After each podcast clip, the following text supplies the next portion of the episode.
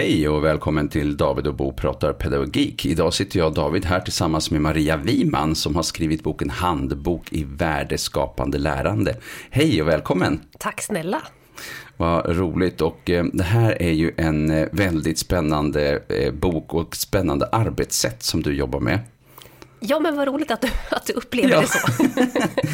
Och jag antar att du gör det också eftersom jag känner vilken enorm så att säga, eh, glädje och kreativitet det verkar vara i, i ditt jobb när du jobbar liksom på det här sättet. Du får berätta lite om dig själv. Vem, vem är du? Och Den där frågan är ju så filosofisk och svår, men om man tänker professionellt då så är jag ju lärare i grunden. Jag är 100% lärare, jobbar fem dagar i veckan i klassrummet. Eh, Och så har jag skrivit några böcker för jag tycker det är så himla roligt att skriva. Jag är också krönikör i tidningen Läraren, så säkert har folk läst några av mina texter där, tänker jag, när jag gnäller över saker. Eh, Men framförallt är jag lärare. Ja. Mm. I svenska och SO kanske jag ska säga. Och nu har du en klass i vilk, vilka åldrar jobbar du mest Nu med? jobbar jag, jag är ju högstadielärare, så just nu har jag bara massa stressade nior som snart ska ut på, eh, på eh, ut i livet helt enkelt, Ja. till gymnasiet och sådär. Så Just att, eh, ja, och nästa år får jag ett gäng eh, förvirrade sjuor. Så att, eh, Ja. ja. det, det är så det går, i loopar liksom. Just det, precis, precis. Men när du började med det här, då var de lite yngre när du jobbade med värdeskapande lärande. Kan du berätta lite om hur du kom in på liksom, det arbetssättet? Hur gick det till? Alltså man skulle önska att det var, så här, det var en plan jag hade från början, att liksom det här, nu ska jag prova det här. Men så var det ju verkligen inte, jag bara halkade in på livets roligaste projekt. Och det var ju när mina elever, då hade jag mellanstadiet, en ganska bråkig klass. Vi hade ganska tråkigt i skolan allihopa. Och jag satt ofta på bussen och tänkte att det här jobbet är ingenting för mig. Jag är, liksom, jag är för arg och det, jag har, det är inget kul. Men så råkade vi liksom, vi tittade på en programserie som heter Geografens testamente på Utbildningsradion som mina elever älskade. Och det här programmet, det var liksom höjdpunkten på veckan. Det var då det var lugnt och skönt i mitt klassrum. Och så hade vi sett två säsonger och sen så skulle vi titta på den tredje säsongen men upptäckte att det fanns ingen tredje säsong. Det, det, programserien var nedlagd helt enkelt. Det var för dyrt att fortsätta. Eh, och då sa min elev Didrik så här, vi måste rädda Geografens testamente. När han sa det, och då var han ju, det gick han i femman. Och, och då tänkte jag så här, ja Didrik, det måste vi göra. För det tändes någon gnista där i klassrummet, det hände något när han sa det där. Och, och vad gör man när man går i femman och ska påverka liksom, utbildningsradion? Det, det är ganska svårt. Vad gör man då? Ja, det, vad gör man då? Så då fick vi gå igenom hela liksom, demokratins eh, verk, eh, liksom, verktygslåda. Vad gör man när man ska påverka? Och sen så gjorde vi en tankekarta utifrån det. Och så började vi liksom spåna på, men vilka ska vi kontakta? Hur, hur, ja, hur får man ut sin röst? Vad gör man om man är under 18? Kan man ens påverka om man är under 18? Och så gjorde vi värsta stora projektet där vi liksom debatterade med vdn på Utbildningsradion och vi skickade in debattartiklar och vi fick stöd från olika politiker och vi var med i massa eh, mediesammanhang och pratade i radio och vi skickade flygblad till kungen. Ja, men vi gjorde allt möjligt. och efter ett år så fick vi tillbaka det här programmet så det blev en till säsong på grund av de här envisa tolvåringarna i Huddinge.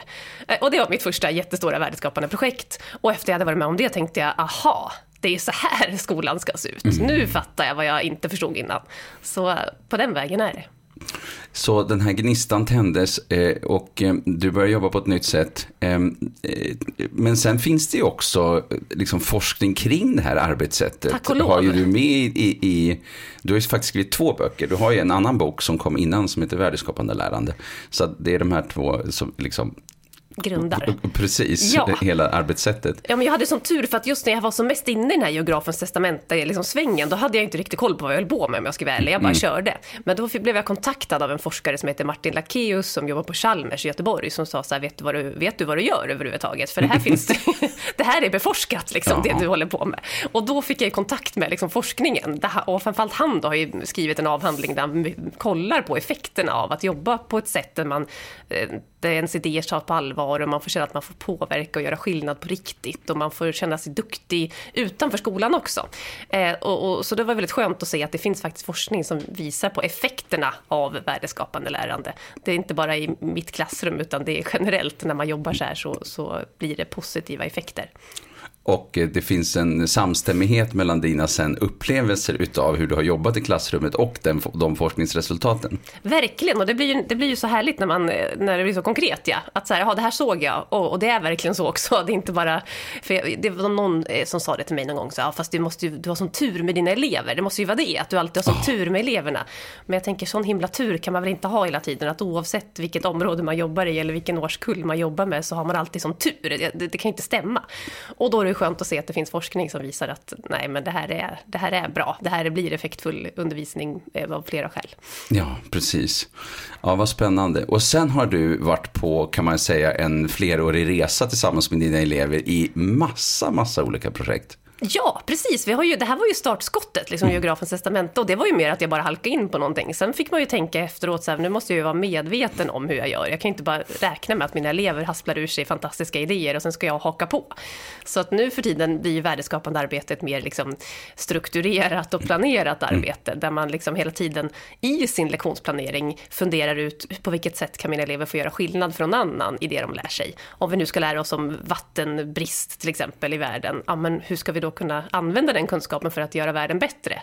Så att man hela tiden har det förhållningssättet. Eh, och det, det har ju varit en resa, och, och liksom lära sig det. Att vad jag än gör i skolan så måste det på något sätt eh, också göra skillnad från annan utanför skolan. För det kommer motivera mina elever. Och de kommer förstå varför kunskap är viktigt. Har du något eh, vattenbristprojekt det som du har genomfört? Ja. ja, det var därför jag sa det. Ja. ja, men det var ju roligt, för vi läste om orättvisor i världen mm. faktiskt. Och, och, sen så liksom började vi liksom, ja, bena ut, vad är, vilka är de största orättvisorna i världen? Mm. Och det var ju massor så här, orättvisor mellan könen, och rasism fanns ju, och fattigdom och sådär. Eh, men det vi framförallt hakade upp oss på var vattenbristen. Mm. Hur, för att vatten är en sån där sak vi tar för givet här i vår del av världen. Och så började vi bena i det där och mina elever hittade någon spännande artikel där de beskrev jeanstillverkning och hur mycket vatten det går åt att tillverka jeans. Väldiga och mängder. Väldiga, 11 000 liter vatten har jag lärt mig nu för ett par jeans. Det är helt galet. Det är helt galet och de där jeansen tillverkas ju inte i Örebro liksom. Utan de Nej. kommer från Bangladesh och från andra ställen där det inte finns så mycket vatten. Och så köper vi dem 150 kronor på H&M. Mm. Eh, och då sätter vi igång en hel kedja som i slutet liksom utmynnar i att någon inte kan dricka vatten på andra sidan av jorden. Eh, och när mina elever fick liksom reda på det här, då var de så här, men herregud, vi måste ju, det här visste vi inte. Eh, och om inte vi vet det så vet säkert inte de andra heller det. Och då startade vi det här stora projektet som vi kallade Jeans for Africa. Där vi samlade in jeans som vi sen sålde vidare eh, och alla pengar skänkte vi till WaterAid. Och ja, de pengarna gick till att borra brunnar i Afrika helt enkelt. Mm, så mm. att, vi, det vi kom fram till i slutet av terminen förra året var att vi hade försett fem byar med vatten. Oj. Ja, vilket är 5 000 wow. människor. Och av de 5 000 människorna så är det många flickor som får utbildning på grund av att vi faktiskt har hjälpt till att borra de här brunnarna. Wow. Så att, ja, de där effekterna det blir av att man sitter ah. i skolan och gör saker, det är ganska häftigt. Det är väldigt häftigt.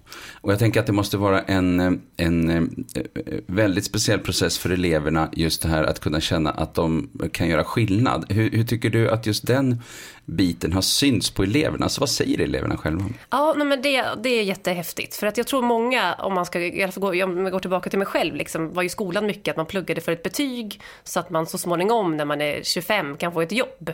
Eh, och, och, det är ganska omotiverande om man är 12 år. Liksom. Att så här, en gång i tiden kanske jag kommer få ett jobb. Eh, så, men det jag märker nu på eleverna är att de förstår ju liksom vad skolan är till för. Ja. Och de förstår hur viktig kunskap är. För kunskap är ju makt och kunskap är, liksom, ja, utan kunskap blir inte världen bättre.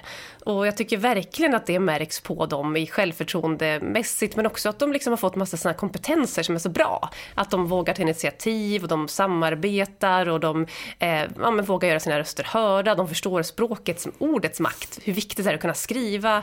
Alla sådana saker som, som vi vuxna vet, men som mm. det tar tid att lära sig liksom, och ja. förstå. Just det.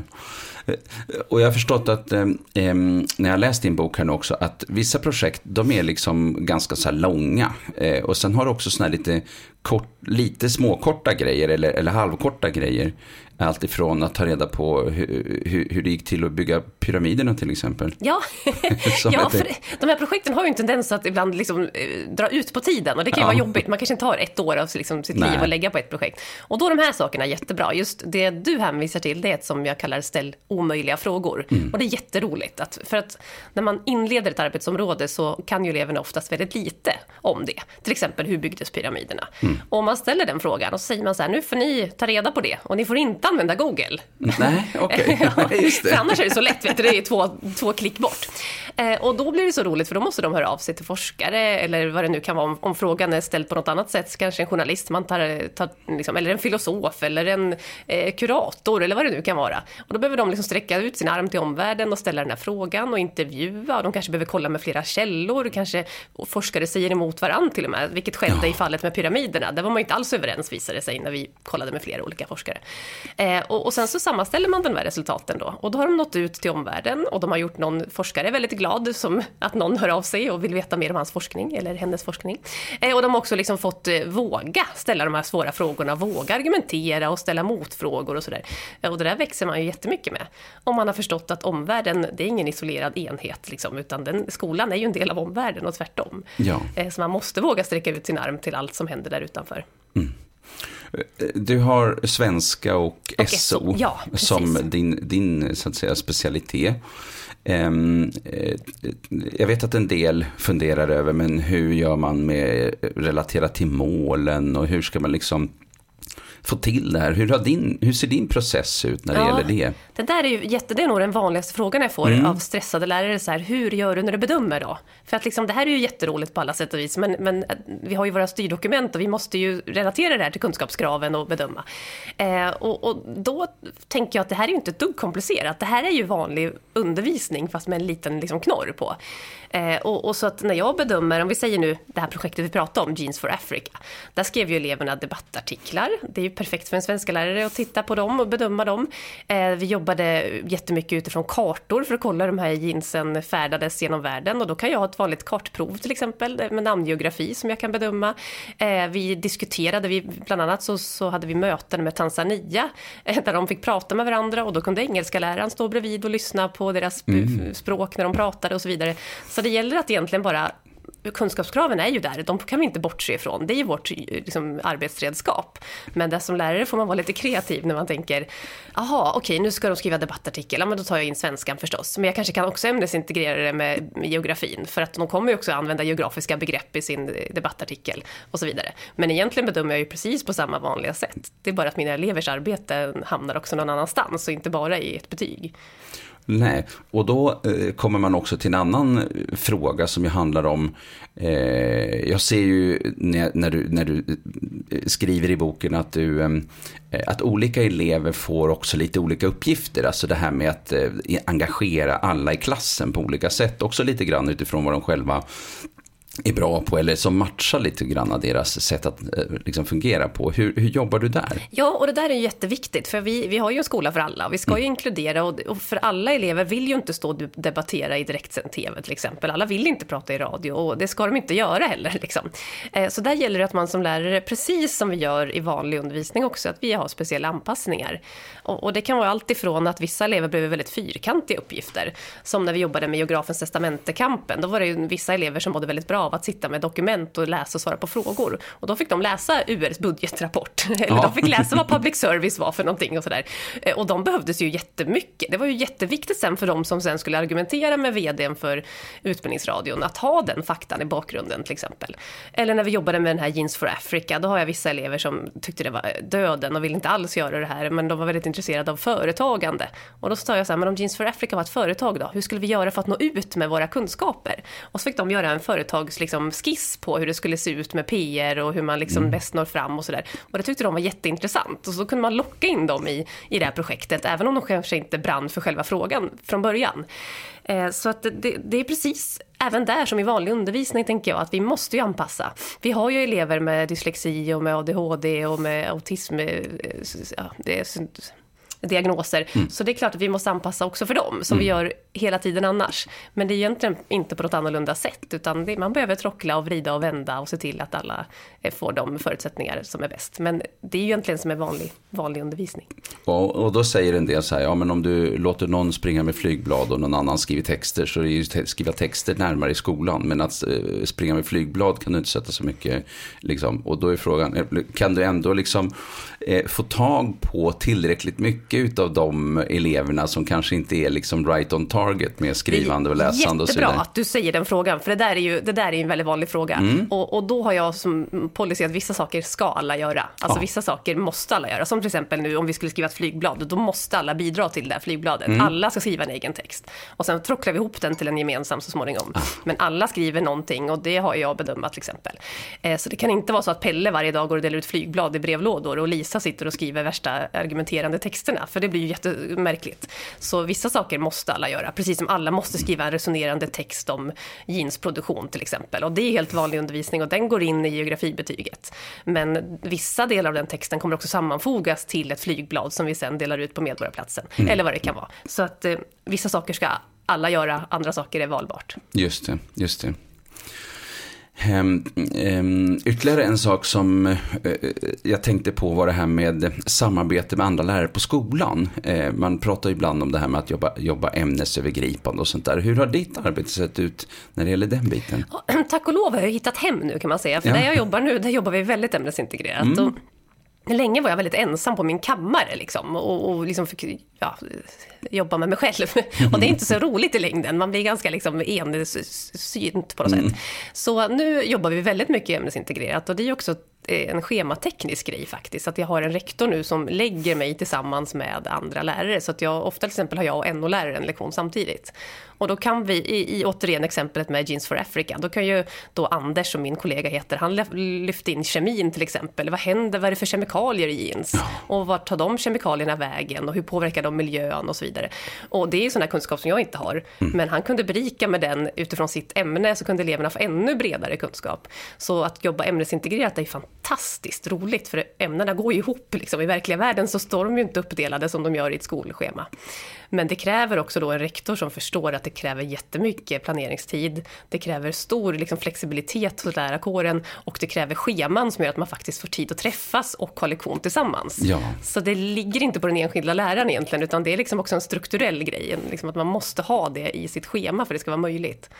Så eh, om man tänker sig att en skola skulle vara intresserad av att börja jobba lite mer på det här sättet så antar jag att det bästa är att göra det lite grann i små steg. Man börjar i någon ände och sen Eh, liksom, hur skulle den processen kunna se ut ja, egentligen, tänker du? Det, jag är ju fel person att fråga, för jag kastade mig ut i geografens ja, men Det var ju det dummaste man kunde göra. Men jag tänker egentligen, processen är ju väldigt okomplicerad, tror jag. Mm. Börja i små steg handlar inte om att ämnesövergripa ett jättestort projekt, utan ja, men till exempel om man är som svensklärare, att nu ska mina barn skriva sagor, eller mina elever skriva sagor. Ja, vilka tycker om sagor? Ja, men det gör ju små barn. Ja, men då kanske vi ska gå till en närliggande förskola och läsa upp sagorna. Eller att vi låter en förskola rita teckningar och sen får mina elever ta de teckningarna och skriva sagor utifrån dem, till exempel. Eh, att man liksom gör det i små steg. Eller om man är eh, mattelärare kanske man tänker att vi gör en mattetipspromenad för de andra på skolan och sätter upp och, och, gör en tävling av det. Eller vad det kan vara. Så att man liksom börjar väldigt litet. Man ska inte kastas ut i några gigantiska, superstora nationella projekt utan gör något litet. Testa vad som händer med eleverna när de känner att deras kunskap får göra skillnad. Och det här när man tar det där, vi tar det där förskoleexemplet, eh, att skriva sagor. Ehm, eh, hur liksom gick det till och, och fanns det några fallgropar i det hela? Och... Alltså det finns ju alltid fallgropar och, och det är ju så här, det ska man inte vara rädd för, för det är ju så livet ser ut. Mm. Och jag och mina elever har gått på så många törnar. Jag tänker i den där boken, så är ju, i varje kapitel har ju också någon, en liksom, det här gick fel när vi gjorde det. det. Och vi har överlevt allihopa. Liksom. Ja. Så, så det är klart att det finns fallgropar och just förskolan har jag gjort några gånger och det, framförallt är det väldigt alltså, roligt, för det är många förskolor som blir väldigt glada när mm. man hör av sig. Att mm. det är liksom, världen utanför längtar efter att få samarbeta med, med elever. Eh, och det har varit ett väldigt lyckat projekt, att vi går dit en dag och barnen ritar teckningar och sen så tar vi tillbaka teckningarna till skolan och så skriver mina elever en saga och de kanske också utvecklar teckningarna på bilden. Det är något år de till och med tillverkat de här sagogubbarna i slöjden mm. och så har de gått tillbaka till de här eleverna och läst upp sagan och tillverkat gubben och sådär. Och det är ju klockrent. Mm. Men det är klart det finns fallgropar. Till exempel har vi ju elever som inte gör det de ska alltid. Så det är kanske är någon, något barn som sitter där utan saga till sist och så kan vi inte ha det. Nej. Och då måste någon annan elev kanske steppa upp och skriva en saga. Eller jag som lärare får gå in och skriva en saga bara för att. Liksom. Och sådär. Men, men det är ju inga enorma problem. Det går ju att lösa alltid. Det är liksom ingen som dör. Och egentligen är det lite samma sak som man sitter med i alla fall, tänker jag då. För att eh, du har ju alltid elever som har svårt att producera text. Exakt, exakt så. Så det här, är ju, det här tillhör ju vår vardag som lärare. Liksom. Men det jag dock märker är att det är svårare att inte producera text när man vet att det sitter en treåring och väntar på den där texten. Mm, jag hade en elev som han var så mutt, han gick och muttrade bakom mig när vi hade eh, varit på förskolan. Vi hade, jag hade med den här bibban av teckningar och han gick bara, det var osa om honom. Och så vände jag mig om och sa, varför är du så sur? Och, och då sa han så här, "Ja, men nu när man vet att det är en unge som sitter och väntar på den där texten, då måste man ju göra den. och jag tänkte exakt så, det är precis så det ska vara, det är ju det som är grejen liksom. Så jag tänker att det där, det där är ju motivationsfaktor på något sätt. Någon behöver min, min arbetsinsats och då gäller det att steppa upp på något sätt. Och han skrev också en fantastisk text faktiskt om en guldgubbe eh, som, som blev hur bra som helst. Kanske det bästa han har skrivit någon gång. Wow. Det, mm, så att det, jag tänker att det, det finns ju stora vinningar med det här. Väldigt spännande. Em, Du nämnde motivation. Vad tänker du när du tänker värdeskapande lärande och begreppet motivation? Ja, Jag tänker att det, de går hand i handske. Alltså, Det jag har liksom läst om motivationsforskning, det vet säkert du bättre än jag, men det är ju att eh, till exempel delaktighet är väldigt viktig. Att man ska känna att liksom man på något sätt, eh, att man är viktig i det här, att ens egna tankar och funderingar eh, är viktiga. Och det är det ju verkligen i värdeskapande. Det har man ju ofta liksom, det, det är beroende av att du steppar upp och gör det du ska och att du själv bidrar. Och motivationen är ju, när vi har haft våra bästa projekt så att säga, då har det varit sjukt galet motiverat. Det är elever som har jobbat på helgerna, de har stannat kvar efter skolan, de har suttit inne på raster, de kan höra av sig en fredagkväll med en idé liksom. och, och, det kan man ju tycka vad man vill om, men det är ganska fantastiskt häftigt. Och det är ingenting jag upplever när det är liksom, nu ska vi ha nationella prov i SO. Det är inte, då ser jag ju inte den gnistan som jag ser när man, liksom, nu ska vi rädda barnsoldater. Då är det en helt annan eh, grej. Så, så för mig är nog den största förtjänsten att jobba värdeskapande motivationen. Jag slipper stå där framme och säga så här, det här är viktigt för att. Eller ingen elev behöver säga så här, varför ska vi lära oss det här? Den gamla klassiska frågan. Alla fattar varför kunskapen är viktig. Ja. Och det blir ju liksom väldigt mycket ved på brasan. Det är väldigt bredd. Eh, nu, nu nämnde du barnsoldater. Har ni varit involverade i det också? Ja, det har vi, vi har räddat hela världen. ja. Då gick de i sexan, mina elever, och vi hade läst om massa problem i världen i geografin. Och det pratade, vi pratade om ökenspridning och utrotningshotade djur och det var liksom eh, skogsskövling och fan och hans moster. Men då var det framförallt barnsoldater som vi snubblade in på någonstans i någon text i någon lärobok som mina elever hajade till på. Liksom. Och då startade vi ett projekt där vi räddade barnsoldater helt enkelt. Oj. Där de helt enkelt, de, de skrev en tidning som hette Hashtag fred och som vi sålde och alla pengar gick till Röda Korset och då stod vi lite överallt i centrum i närområdet och så, jag tror det slutade med att de fick över, in över 20 000 Oj. till Röda Korset och de fick ett diplom där det stod att nu har ni räddat hundratals barn. Det. det är ganska häftigt när man går i Wow. sexan.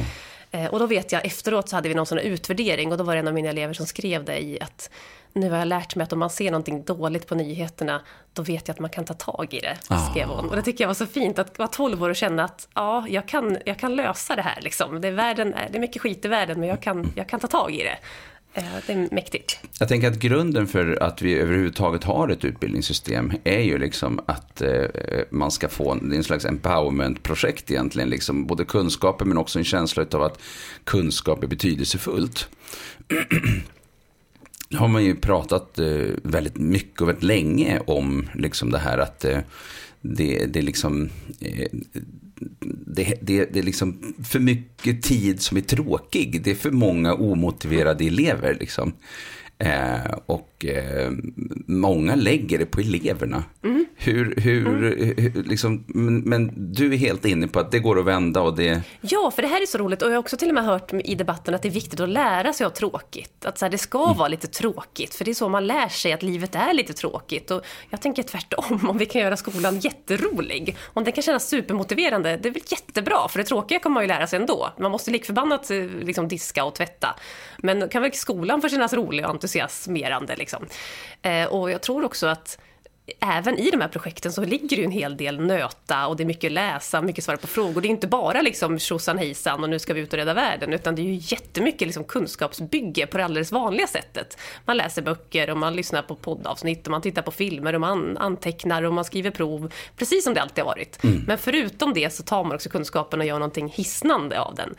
Eh, så att eh, jag har aldrig fattat den där debatten riktigt om att det ska vara tråkigt eller det är eleverna, de är så omotiverade. Ja, men där har ju vi också en roll. Liksom. Vi, om de är omotiverade måste vi också gå till oss själva. Kan Just det vara det. så att alla elever alltid tycker allt är tråkigt? Mm. Eller kan det på något sätt också bero på att min undervisning kanske inte är 100% motiverande? Just. Ja, man måste våga tänka den tanken. Mm, mm.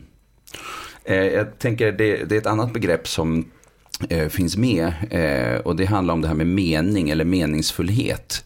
Eh, vad tänker du och, och, och liksom, vad ser du hos eleverna i relation till känslan av mening? Mm, jag vet att när jag fick mina nuvarande elever, de som går i nian nu, så i sjuan så var det en elev som satt, han var jättehelt, han satt kvar en fredag eftermiddag, alla hade gått hem och han såg så uppgiven ut. Och så sa jag, vad är det som är så, varför ser du så ledsen ut? Och så sa han, alltså skolan är som en skokartong. Man låses in här hela livet, liksom. eller ja, det som känns som hela livet, i en skokartong. Och det är bara mörkt och det är inga fönster och det är liksom som att sitta instängd. Mm. Och det där är ju meningslöshetsskolan. Att mm. känna så att här sitter jag i min lilla skokartong och det är bara mörkt och jag hittar inte ut. Liksom. Det finns ingen dörr någonstans. Eh, och det där tror jag är jätte jätte, jättefarligt. Alltså motivation vet vi ju, det är ju det, det är ju det som driver oss framåt. Och när han sa det till mig, då tänkte jag nu ska jag visa honom vad skolan kan vara. Och då satte vi igång med ett stort projekt som heter Save the Sharks, när vi skulle rädda hajar. Ja. Eh, och då hände någonting med honom. Och då var han ute på, i centrum i Huddinge en lördag och stod med någon skylt där det stod rädda hajarna och så här, med sig själv. Liksom. Han, han hittade något där. Eh, och just den där kartong, skokartongskolan måste bort. Mm. Skolan ska vara meningsfull här och nu. Det är så ofta det är så här, eleverna i framtiden, ja fast de är också nu. alltså man, kan inte liksom, man kan inte tänka så, ja det är viktigt att en framtida generation, för de här eleverna de lever ju här och nu. De är ju här med sitt hjärta och sin själ och sina känslor och sina tankar och sina talanger. Det måste vi nyttja. Vi kan inte vänta med tills de är 30. Liksom. Det är många år som går förlorade. Ja, precis. Det får inte bara vara liksom en, en lång eh, liksom, sträcka. sträcka liksom, Nej. Precis. Och det där tror, jag, där tror jag skolan har ett jättestort utvecklingsområde. Ja. Faktiskt. Mm. Jag, jag, tänker, ja, men jag ser, ser ju mina egna barn till exempel, hur mycket det är som bara handlar om att lära för provet. Och mm. Man ska lära för ett bra betyg, men man förstår aldrig riktigt varför kunskapen i sig är viktig. Alltså betyget är bara ett medel, men det är kunskapen i sig borde ju vara liksom det viktigaste. Jag tänker på, eh, det finns ju väldigt mycket forskning som säger att eh, vi lär oss bäst när vi blir emotionellt engagerade. Alltså eh, att det, det, det här med känslan, att den följer med är en väldigt viktig komponent. Har du liksom, det låter som att du haft med dig den. Kan du berätta något om, om just oh, det? Jag älskar starka känslor, det är det, alltså det är det bästa. Nästan, ilska skulle jag säga är nästan det bästa. Så om man mm. märker att den är riktigt arg, då ska man vara så här, jaha, vad ska du göra åt det då? Mm. Och, och jag hade två elever som kom nu i början av terminen och sa, vi så jävla arga på Skolverket. Jaha, varför är ni det då, sa jag. Ja, men det är de här jävla nationella proven och det är så stressigt för oss och det är nog att vara jobbigt att vara tonåring. Och, och då sa jag så här, okej, okay, ja men det, jag kan inte påverka Skolverket, då får ni, vad ska ni göra åt det då? Och då skrev de en debattartikel där de, som var så fruktansvärt bra. Det var två mm. tjejer mm. och det är de här två tjejerna som kanske inte är mest högljudda i klassrummet, men som satt med pennan som vapen. Och så fick de den publicerad i tidningen Läraren och det blev, den blev jättedelad. De fick prata i radio, de fick prata i Nyhetsmorgon, de här blyga flickorna. Och då blev ju resten av klassen också engagerade förstås, för det hände ju mm. grejer. Så den här initiala ilskan blev ett stort projekt kring psykisk ohälsa bland unga faktiskt. Vad är det som händer när vi stressar oss själva? Varför mår den här generationen så dåligt? Så det, då kunde vi vidga det där ursprungsskolverkshatet till att bli något konstruktivt. Att vi ska lyfta det här med stress hos unga, vi ska lyfta vad psykisk ohälsa är, vi ska våga prata om det. Eh, och det hade inte hänt om inte de där två tjejerna hade varit så fruktansvärt arga den där dagen. Mm. Och jag tror att många lärare är rädda för starka känslor, för det är också problem. Du vet, jätteledsna elever eller jätteoroliga elever, det är, det är ett problem. Vi vill ju helst ha att de ska sitta där alldeles liksom, lugna och fina. Men vi ska inte liksom glömma bort att känslor är ju fantastiskt bränsle. Det vet man ju när man är asglad eller jättearg, vad mycket man får gjort. Liksom. Eh, så, så det där ska man inte skygga för, utan känslor är ju motivation och det är också bästa sättet att ta tag i saker. Eh. Och det där med eh, ilskan som utgångspunkt har du haft med också, eh, det här med, med eh, att vara arg, men det kan också vara andra känslor. Men eh, eh vad kan det vara mer som liksom eh, har, har varit gro, eller grunden för ett, ett, ett projekt som har varit känslorelaterat? Liksom? Ja, nej, men jag, tror, jag skulle säga att alla mina projekt faktiskt på något sätt grundar sig i känslor. Så I princip. Vi, det var, vi gjorde något projekt där vi gick och läste, vi, vi pratade med äldre på ett ålderdomshem. Och de fick berätta om sin ungdom och sen så fick mina elever gå tillbaka och skriva noveller utifrån, eh, baserat på de här äldres berättelser och gå tillbaka sen och läsa upp dem. Och då blev ju känslan, känslan där var ju att den här äldre människan, det betyder något att jag var där och det betyder något att jag kommer tillbaka och har gjort det här för den här personen och tagit in hennes livshistoria och skrivit om den. Så det måste ju inte alltid vara exploderande, stora, stormiga känslor. Det kan också bara vara känslan av att göra gott. Att man efteråt mår ganska bra i själen när man har gjort något för en annan maneja. Så det måste ju, jag skulle säga mina roligaste projekt är ju när elever kommer och är rosenrasande. Mm -hmm. Men det måste inte vara det man utgår ifrån, utan det kan också bara vara känslan av att man har gjort något fint för någon annan. Att man liksom, ja men det här gjorde jag bra, nu blev någon glad. Så, så, men att man ändå liksom uppmärksammar det hela tiden. Hur kändes det? Hur kändes det i magen att göra det här? Och det. Hur, hur, kändes det när du gick hem från skolan? Och man kan ju få sådär fantastiska mejl från föräldrar där liksom, ja, idag kom eh, Rebecka hem från skolan och berättade om vad ni hade gjort idag, att hon var så glad över det här. Liksom. Mm och sådär. Och det, det, är ju så, det är ju känslorelaterat. Det är sällan man hör Verkligen. någon säga så här, idag lärde jag mig allt om andra världskriget. Det, det var spännande. Utan det är mer, idag blev jag så himla tagen av att vi ja. skickade det här brevet till förintelseöverlevaren, eller vad det kan vara. Så att man hakar upp det där på liksom, känslorna. Eh, poesi är inte alltid det enklaste ämnet att ta sig an. Eh, men det har du gjort. Det har jag också gjort. Ja. Ibland får man ju lura in dem. Liksom. För att, och det, det, har vi, vi gjorde ett jätteroligt projekt som var ganska litet faktiskt. Det var liksom inom skolans väggar.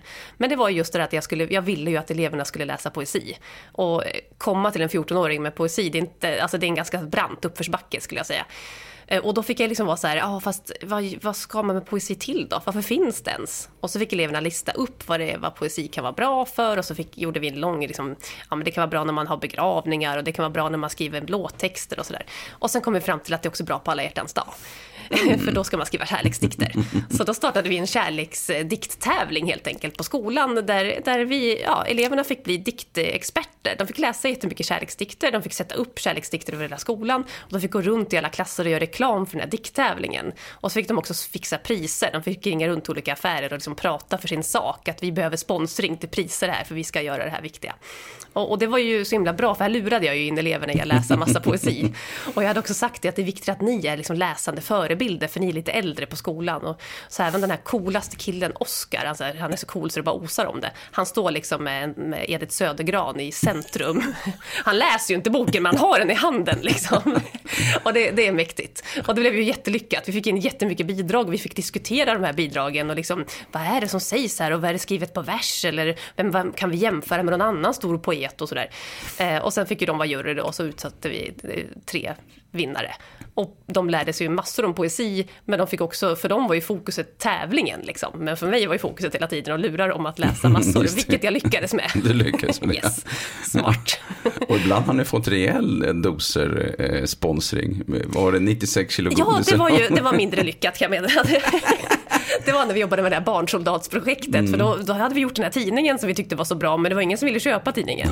Och, och, då sa jag till eleverna, men om vi tar tidningen så knipsar vi ihop den med något annat. Vi liksom säljer tidningen med något annat. Och, och då var det någon som tyckte, så här, sprit, så nej vi kan inte sälja sprit. och snus, nej vi kan inte sälja snus, men godis, ja godis kan vi sälja. Och, och då ringde ju två tjejer till mig på eftermiddagen sen och bara så himla glada för de hade fixat sponsring. Så vi mm-hmm. kunde liksom knipsa ihop eller godis med tidningen. Eh, och det här var en super sockerfri skola, jättehurtig rektor. Och när jag kommer nästa dag till skolan då står det 96 kilo godis i korridoren. Som jag fick så skynda mig skyffla in i ett gammalt skåp bland de gamla geografiböcker. Liksom. Men det var ju tack vare den där godiset tror jag vi sålde så mycket tidningar sen. För det var ju, vi häftade ihop påsar med tidning och sen så sålde vi det ju och fick in jättemycket pengar. Så, mm. så ibland tar ju de här projekten oanade liksom, vändningar kan man ju säga. Verkligen. Men det får man också vara smart. För när jag stod där med mina 96 kilo tänkte jag, vad gör jag med det här nu? För det, det finns ju ingenstans i läroplanen att man ska sälja godis. Liksom. Men det, däremot finns det ju att man ska skriva argumenterande text. Så vi skrev reklamtexter till det här godiset då. Så eleverna liksom skrev reklam och skickade hem till föräldrar och satte upp i lärarrummet och, och så vidare. Så då fick jag ändå in, eh, på något snyggt sätt kunde jag motivera godisförsäljningen. Mest för mig själv. Just det. Mm. Ja, så det gäller, ibland eh, får du helt enkelt eh, eh gå tillbaka till eh, läroplanen och kika lite i den och, och så. Eh, ibland eller? krattar man ju där man går. Och mm. det där vill ju ingen lärare höra, för vi lärare är ju så vettskrämda för att göra det. Vi vill gärna planera allt, liksom, för att vi är så stressade över att inte hinna med annars.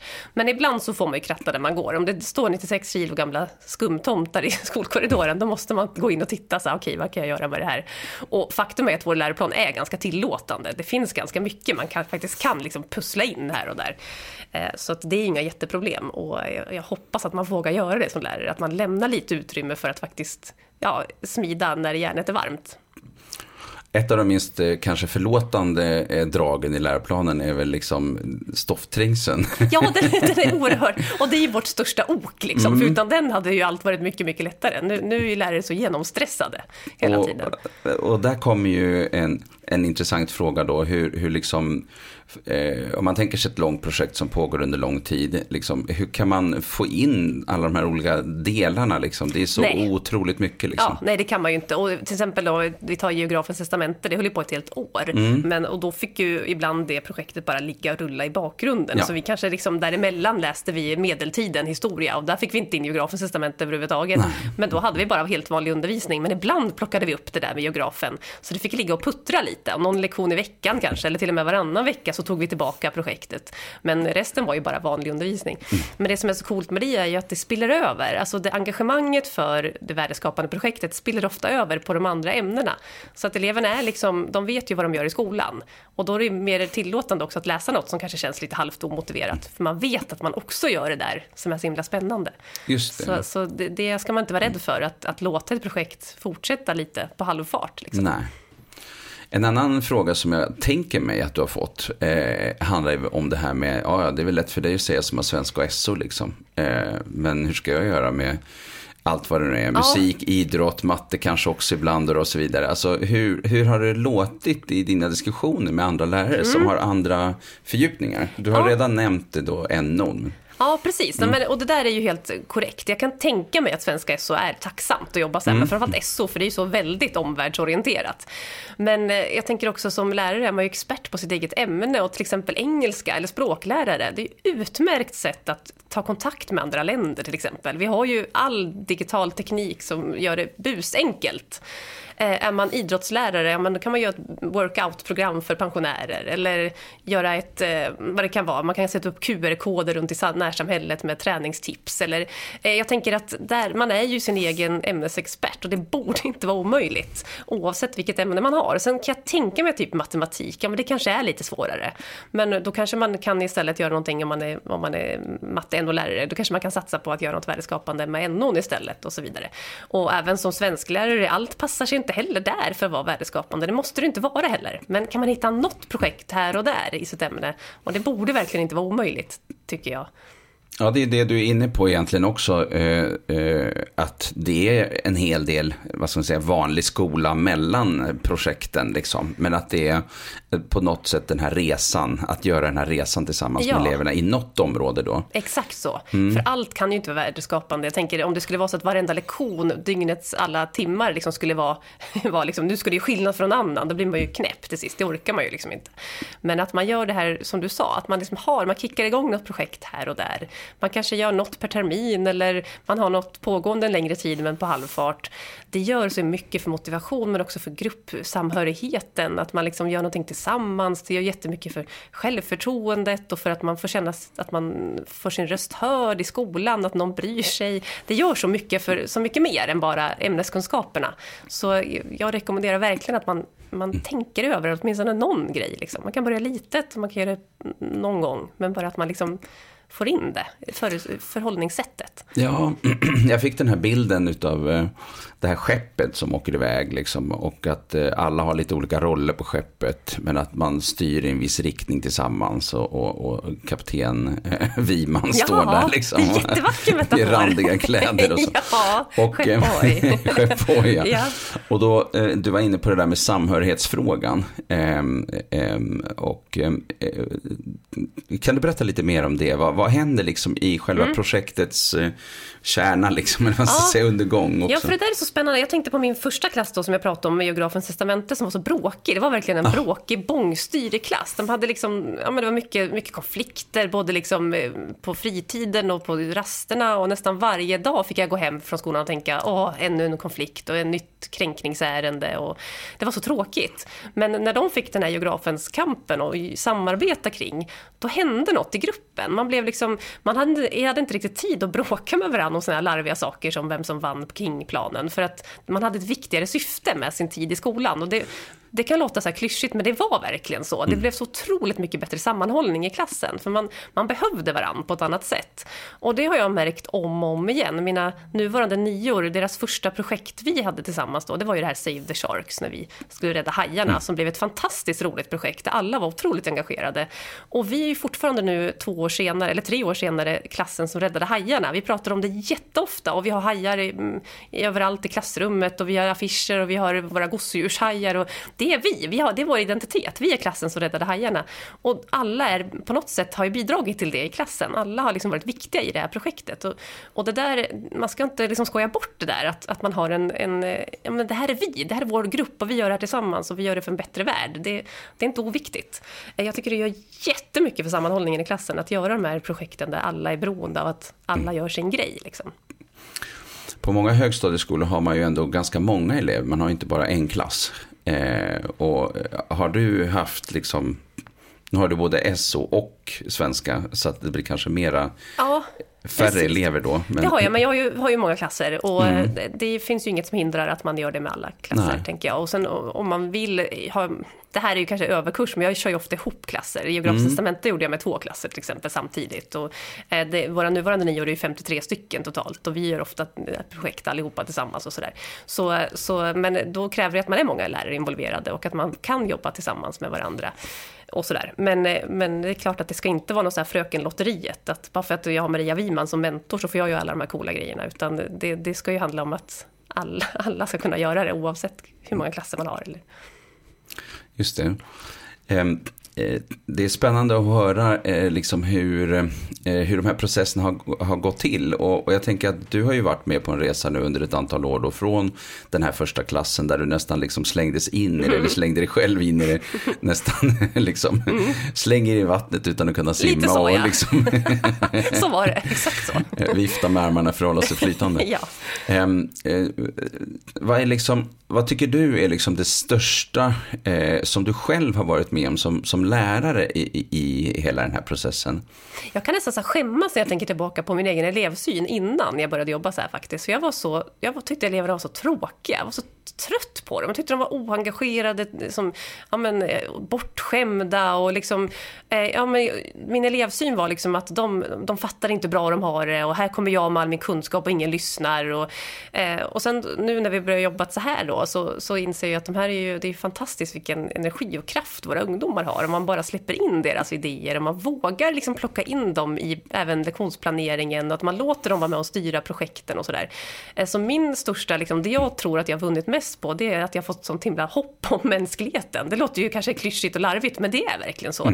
Våra ungdomar får ju mycket skit av alla, dagens ungdom, de är så lata och Precis. Eh, De kan inte läsa och de tittar bara på YouTube. Men de kan ju fruktansvärt mycket och de växer upp i en kli- klimatkris, de växer upp i en pandemi och de bara gör grejer och de tar tag i grejer bara de får chansen. Är bara kolla Greta Thunberg-rörelsen, vilken energi och vilken kraft. Vilken kraft det är. Eh, ja, och, och det där måste vi lärare liksom, den, vi måste förstå att det är så. De som sitter i våra klassrum, de har alla de här talangerna och idéerna och all den här kraft, urkraften liksom. De är unga och friska och pigga och sugna på livet. Så att eh, för mig har det varit en ögonöppnare att se dem som, som vilken urkraft de är. Och vad gör det med dig som lärare i relation till lusten att gå till jobbet? Liksom? Ja, men det är, ju, det är ju fruktansvärt roligt att gå till jobbet. Framförallt när vi är inne i någon sån här process när det kanske är lite kaos, men vi vet att det kommer att bli bra. Eh, min, min elev Ylva sa det så roligt, för hon kom förbi mig någon gång när vi höll på med där Jeans for Africa och bara “Nu känner jag livet i mig” och jag kände, ja, jag känner också livet i mig. Det är, liksom, det är så häftigt att se det här när det bara pyr saker och det händer grejer och vi får kontakt med någon och det rullar på och någon kanske berömmer oss. Och vi, ja, det är så häftigt. Man, man dansar ju till jobbet när det, när det är som roligast. Liksom. Det är fantastiskt. En annan stor fråga som eh, ju finns i vårt samhälle, det är ju liksom det här med, med trygghet och studiero. Och du, och du nämnde det med kränkningsanmälningar tidigare, att det var, liksom, och det var träligt och, och lite sådär. Um, om vi börjar med liksom det här med, med eh, ehm, eh, um, studierosfrågan. Uh, det är ganska tydligt när Skolverket beskriver om studiero att det är kopplat till till liksom, eh, vad ska man säga, god undervisning. Mm. Eh, vad ser du ut av studiero? För att eh, om någon öppnar ditt klassrumsdörr ibland så kanske de tycker att det är världens kaos också. Mm. Eh, men hur ser du på, på det där med studierosbegreppet? Ja, men det är ju, studiero är ju väldigt eh, ivrigt använt i debatten också. Många vill liksom hävda att för att få en studiero så måste man ha eh, hårda tag och det ska vara en auktoritär lärare, man ska kunna fösa ut elever och man ska, ja men det är vårt, liksom, vi ska ha mer mandat att göra sådana här hårdare tag helt enkelt. För min del, min framgångsfaktor med studiero, det är ju att undervisningen är så angelägen som man jobbar.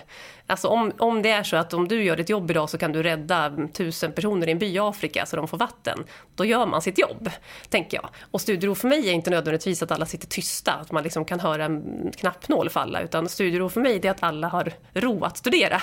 Oavsett om det råkar vara att man sitter på golvet och klipper med en sax eller att man sitter och läser en bok i ett hörn eller att man utför en dans, jag vet inte vad det kan vara. Men, men eh, studiero för mig är att, att alla kan studera, att man hittar förutsättningar för att alla barn kan lära sig något. Och, och för mig handlar det om motiverande undervisning. Eh, då vill man lära sig så gör man det, tänker jag. Mm, mm. Eh, och då blir det studiero automatiskt. Jag har inga problem alls med, med studiero i mitt klassrum faktiskt. Kan jag med gott samvete säga. Ja. Eh, och den andra frågan är ju då eh, kopplat till då kränkningar och ibland så pratar man om det för de, liksom, de, hör, de hör ihop, de här då trygghet och studiero är ju liksom ihopslagna ibland. Mm. Samtidigt så säger man att man ska arbeta med dem var och en för sig. Men hur mycket hör det ihop tycker du och hur mycket är det egentligen att man ska jobba med det var och en för sig? Alltså hur ser du på den här? Nej, alltså det hör ju ihop jättemycket tänker jag. En trygg klass där man, ja, man har en samhörighet och en gruppidentitet, där kränker man ju inte varandra heller. Det, det är ju så enkelt tror jag. Att lyckas man hitta den här, liksom, där, där, klassen går tillsammans till skolan för att jobba med något tillsammans, eller där man värnar om varandra, där man vet att allas plats är viktigt, då kränker man inte varandra heller. Så det går ju verkligen hand i hand, tänker jag. Jag har svårt att se en klass där det är perfekt studiero, men jättemycket kränkningar. Det hänger liksom ihop. Så jobbar man med det ena så jobbar man med det andra på något sätt. Mm. Eh, och sen så är det ofrånkomligt. Det spelar ingen roll hur perfekt klass man har eller vilka fantastiska projekt man har. Det kommer ske kränkningar, det kommer ske läskiga saker på sociala medier och sådär. Det, det är så världen ser ut.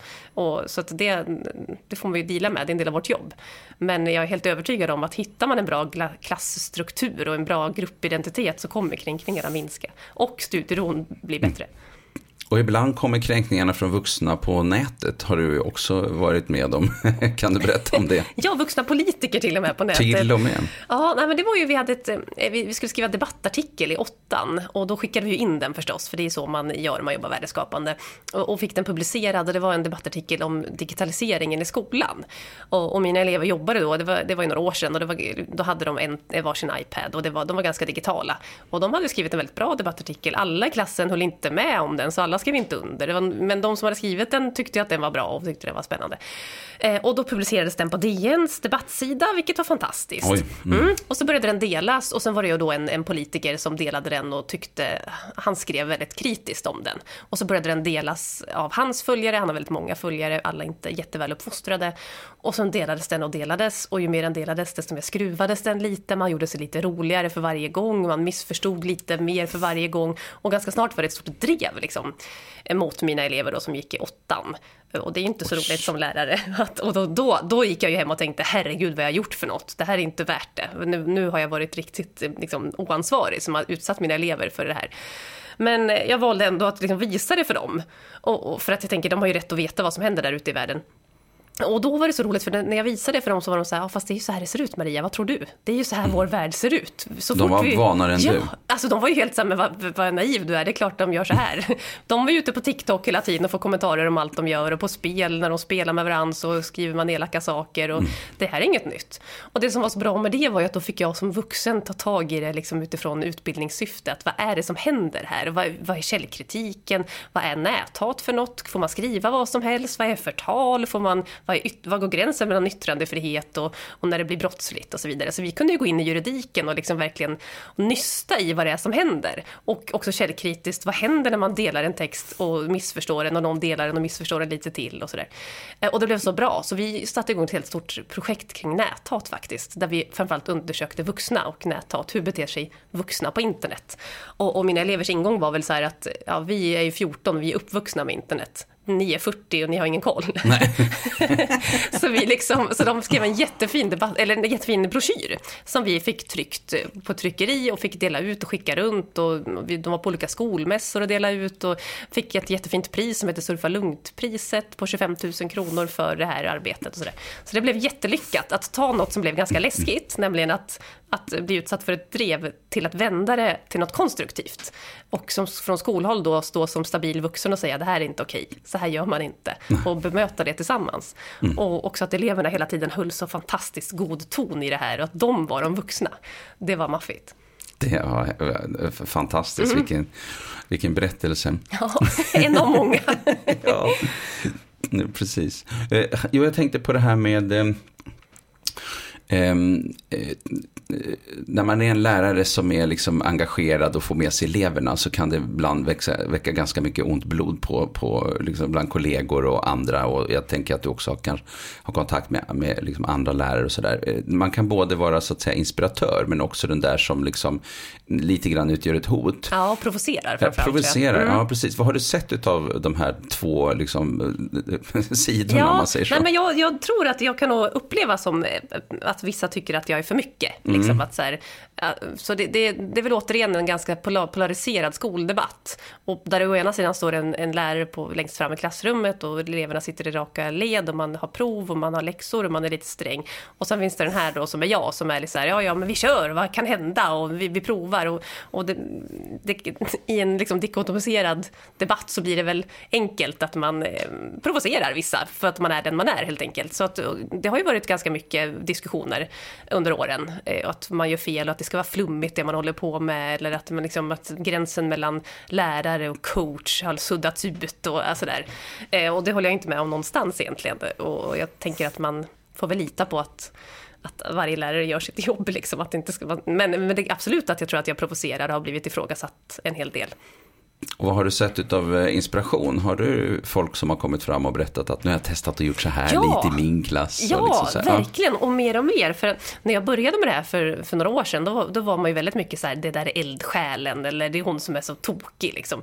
Men nu tycker jag det här har blivit mycket mer utbrett. Och jag tycker också man ser tidningsartiklar, det kan vara om barn som ja, men, har målat konst till pensionärer. Och det kan vara, alltså, man, man läser om värdeskapande på ett helt annat sätt eh, än vad man gjorde innan.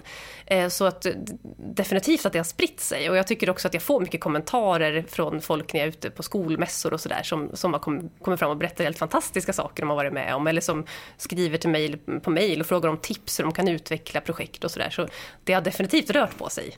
Så det har väl varit värt, tänker jag, att stått lite i skottgluggen ibland. ja, precis. Det är så ja. man når ut också. Ja, mm. Ehm, jag tänkte på eh, begrepp som ansvar och delaktighet.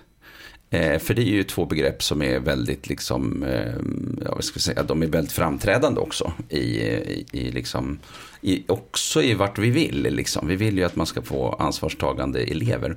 Va, vad tänker du kring de begreppen i relation till, till ditt sätt att arbeta på? Ja, men jo, jag så här, man får ju ingenting gratis egentligen i de här projekten. Alltså ansvarskänslan måste växa med projekten. För att det är ju inte som att man säger nu får du en stencil och så ska du svara på frågor och sen rättar jag den och sen kastar vi den i papperskorgen. Där gäller det egentligen bara att man sitter på sin bänk och, och gör det jag instruerar.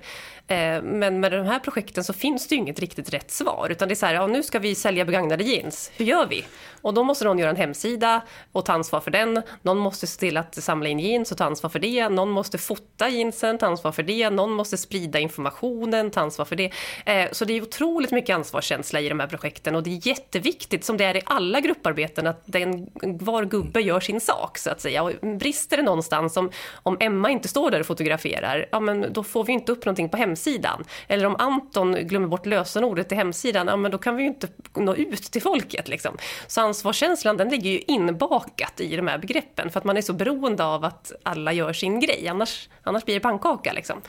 Eh, och jag tror att man kan öva på ansvar på massa sätt, men det här är ju ett väldigt hands-on sätt tycker jag. Att liksom, nu har vi det här projektet och det är beroende av att alla gör det de ska. Och missar någon någonting, ja, men då kommer det bli lidande och haltande och då får hela gruppen sota för det. Och i förlängningen hela de som vi riktar projektet mot. Liksom. Så jag tycker att mina elever har blivit fruktansvärt ansvarstagande. Det märks ju efter ett par år när man har jobbat med dem. Att, ja, men som då Elin och Emilia som kom till mig och klagade på Skolverket. Istället för att gå hem med sin ilska så tar de faktiskt tag i det. De skickar in en debattartikel och de får kontakt med Anna Ekström. Och liksom, det är väl ett otroligt ansvar när man är 15 år att liksom ta sig an den fighten. Eh, och, och, det tror jag inte hade hänt om jag bara hade sagt så här, ja men vad tråkigt, du kan inte påverka Skolverket, gå hem och lägg dig. Det, så att, så att jag tror definitivt att ansvarskänslan växer jättemycket med stora förväntningar och krav också. Jag tänker att bara det att du vänder på det då, när du säger så här, jaha, du, du, så, så arg är du, men gör något åt det då. Mm. Alltså bara där så finns det ju en idé om att lägga över ansvaret tillbaka på eleven. Ja, att, att se till att engagera. Ja. Verkligen, och, och där tror jag att som lärare är också lite rädda, vi är så duktiga på att göra saker åt elever. Att så här, åh, jaha, vill du ha en, en tangentbord till en iPad? Ja, men då ska jag kolla om du kan få det. Istället för att säga så här, jaha, men då, då får du mejla rektorn och fråga. Att vi liksom, vi ska lägga på de där förväntningarna på eleverna. Jaha, vill ni ha ett skol-IF? Ja, men det vet jag inget hur man gör. Jag har ingen aning om hur man gör skol-IF. Då får du kolla upp det med idrottsläraren. Att man liksom vågar bolla tillbaka. Klassiskt är väl elevråd, där många elever sitter och önskar saker hela tiden. Ja. Och så händer ingenting. Vi vill Nej. ha konstgräsplan. Jaha, Nej, det, det, har, det är för dyrt, säger rektorn. Mm. Istället för att säga så här, vill ni ha det? Ja, men då får ni kolla upp vad det kostar. Ni får kolla med kommunen. Kan ni, mm. ja, men sådär.